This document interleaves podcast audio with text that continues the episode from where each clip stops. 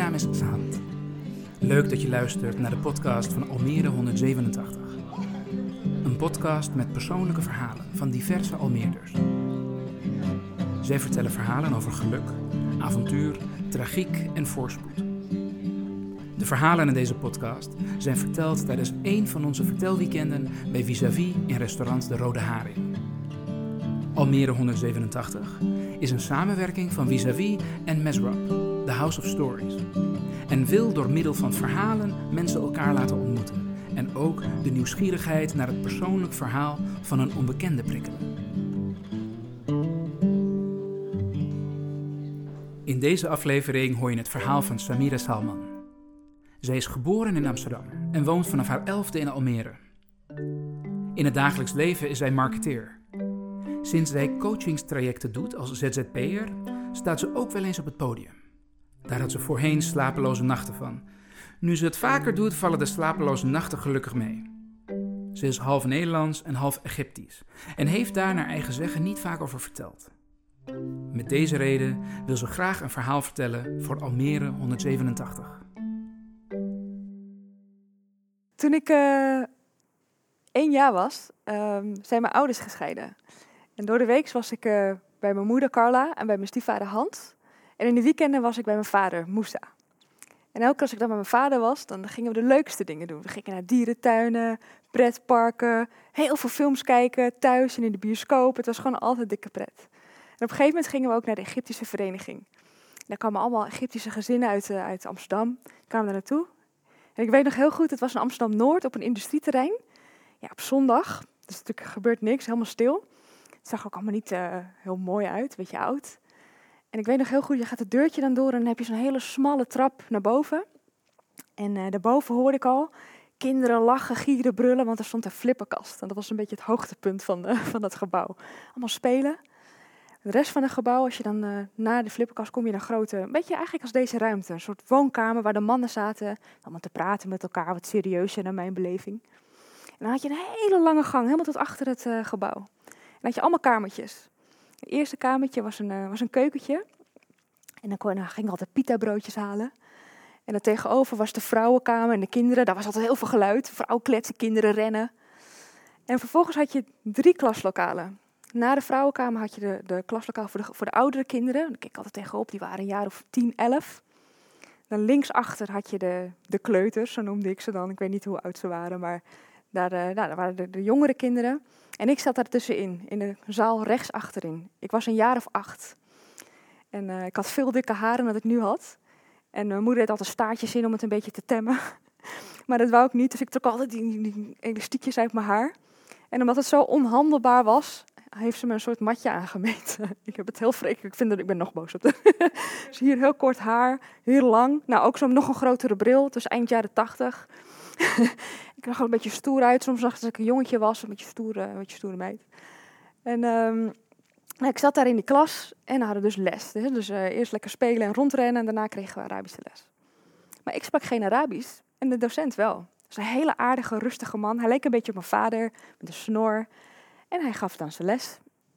En ik zat daar.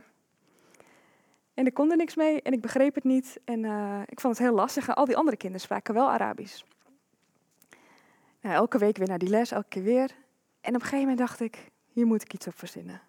Dus ik had op een gegeven moment gedacht, weet je wat ik ga doen? Ik ken wel wat Arabische woordjes. Als hij een vraag stelt, dan ga ik gewoon maar wat gokken. Misschien gok ik het goed, waarschijnlijk niet. Maar ik dacht, misschien lijkt het dan, klinkt het als iets. En dan zegt hij, oh, misschien bedoel je dat en dat. En dan zeg ik, ja, dat bedoel ik. Dus ik hoopte dat ik daarmee weg zou komen. Dus ik wacht tot hij een vraag ging stellen. Hij zegt, wie van jullie weet hoe je in het Arabisch school zegt? Dus ik mijn hand omhoog. Hij verbaasd, want dat deed ik nooit. En uh, nou, ik kraamde er een geluid uit wat in mijn, ja, mijn beeld Arabisch moest klinken. En hij keek me aan, heel verbaasd. En hij, zei, hij knikte en hij zei, nee, dat is het niet. Ik denk, shit, mislukt. Nou goed, op een gegeven moment uh, gingen de kinderen naar een hogere klas, net zoals je gewoon op school hebt. Dus uh, iedereen ging naar de hogere groep, die grote stoere, die, die groep met die, met die oudere kinderen. Maar ik, je zou denken, misschien bleef ik zitten. Nee, ik moest naar de kleuterklas. Dus ik zat ineens bij de kinderen die jonger waren dan ik. Die vervelende broertjes en zusjes van mijn vrienden. Een zaal met een alfabet op het muur, maar dat kende ik al lang. En tot tien tellen kon ik ook. Allemaal kinderachtige posters. Ik dacht, nou, dit is de druppel. Ik wil niet meer, ik ga niet meer. Dit is, dit is, genoeg is genoeg. Dus mijn vader die vond het heel erg jammer, want die wilde natuurlijk dat ik uh, Arabisch leerde. Maar ik vertikte het. Ik wil niet meer naar die les. De week daarna op zondag, wij weer de trap op. Weer die kinderen spelen, flipperen, gillen, lachen. En op een gegeven moment, uh, de les begint. Samira, kom, kom. En ik, nee, ik blijf hier lekker flipperen. Op een gegeven moment was ik een jaar of uh, 25. En uh, toen ging mijn neefje van twee jaar jonger, ging trouwen. Uit Nederland, met een Egyptische vrouw in Egypte. En ik dacht, wauw, dat is gaaf, daar wil ik bij zijn. Ik, vond het al, ik had op een gegeven moment als doel gesteld om zoveel mogelijk culturele bruiloften mee te maken. En gek genoeg had ik een Egyptische nog nooit meegemaakt. Ik dacht, nou, dit is tof. Ik ging naar Alexandria, dat is een kustplaats, een beetje de Scheveningen van Egypte. En uh, ja, het was in de zomer, het was super heet overdag.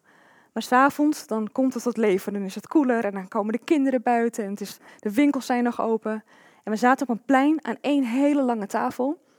En de families, ook families die ik vroeger wel eens heb gezien, iedereen was blij. Iedereen was natuurlijk enthousiast over die bruiloft. Er zaten één lange tafel.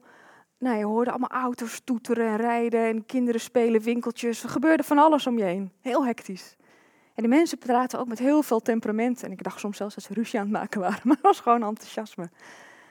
En um, ja, ik zat daar en er zat een cola, flessen cola op tafel, water, drinken. Iedereen blij. En op een gegeven moment zie ik Fernando. Fernando is een oud klasgenootje van mijn neefje, ook uit Nederland. En die had ik een paar jaar daarvoor ontmoet in Barcelona. Ik ging daar een paar dagen even werken, ik bleef daar hangen. En mijn neefje had ons gekoppeld en hij zei, ga met hem op pad, hij laat je wel de stad zien. En dat was heel tof. Dus overdag ging ik de toerist uit en s'avonds ging ik met allemaal studenten op pad, lekker uit. Toevallig had MTV nog een festival op allemaal plekken. Dus ik, nou, ik heb echt de week van mijn leven gehad daar. Superleuk. En ik was dus heel blij om hem daar weer te zien. Ik ben al sowieso een kletskous. Ik kwam, hey Fernando. En hij kwam aanlopen, ook heel enthousiast. Een beetje gemillimeterd haar, een beetje stoere jongen. En hij ging tegenover me zitten aan die tafel en kletsen. Hoe is het nu met je? Hoe was het in Barcelona? En hoe, wat doe je voor werk? En hoe is het met je vriendin? En hij vertelde nog, zijn vriendin komt de volgende dag ook bij de bruiloft. Ze is onderweg. Superleuk. Bla, bla, bla, kletsen, kletsen, kletsen. En op een gegeven moment zegt de vrouw schuin tegenover mij, een van de weinige mensen die ook Nederlands spreekt. Samira, stop maar met praten. Ik denk, huh? Ja, stop maar met praten. En ik kijk nog een beetje om me heen van, wat gebeurt er? Maar iedereen ging gewoon door met waar ze mee bezig waren, dus ik snapte het niet. Toen viel het kwartje. Oh, ik ben een ongetrouwde vrouw. Waarschijnlijk mag ik niet zo uitbundig met die jongen voor mij praten. Ik kon het niet aan hem uitleggen. Dus hij keek me heel vertwijfeld aan. En ik zat daar maar. En ik keek om me heen en ik hoorde de auto's toeteren. Ik hoorde de kinderen lachen. Ik hoorde mensen lachen. Ik hoorde mensen verhalen vertellen. Maar in een taal die ik niet ken.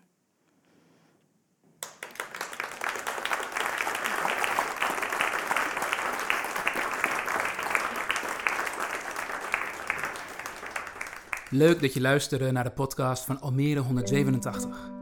Een samenwerking van Vis-a-vis en Mesrab, The House of Stories.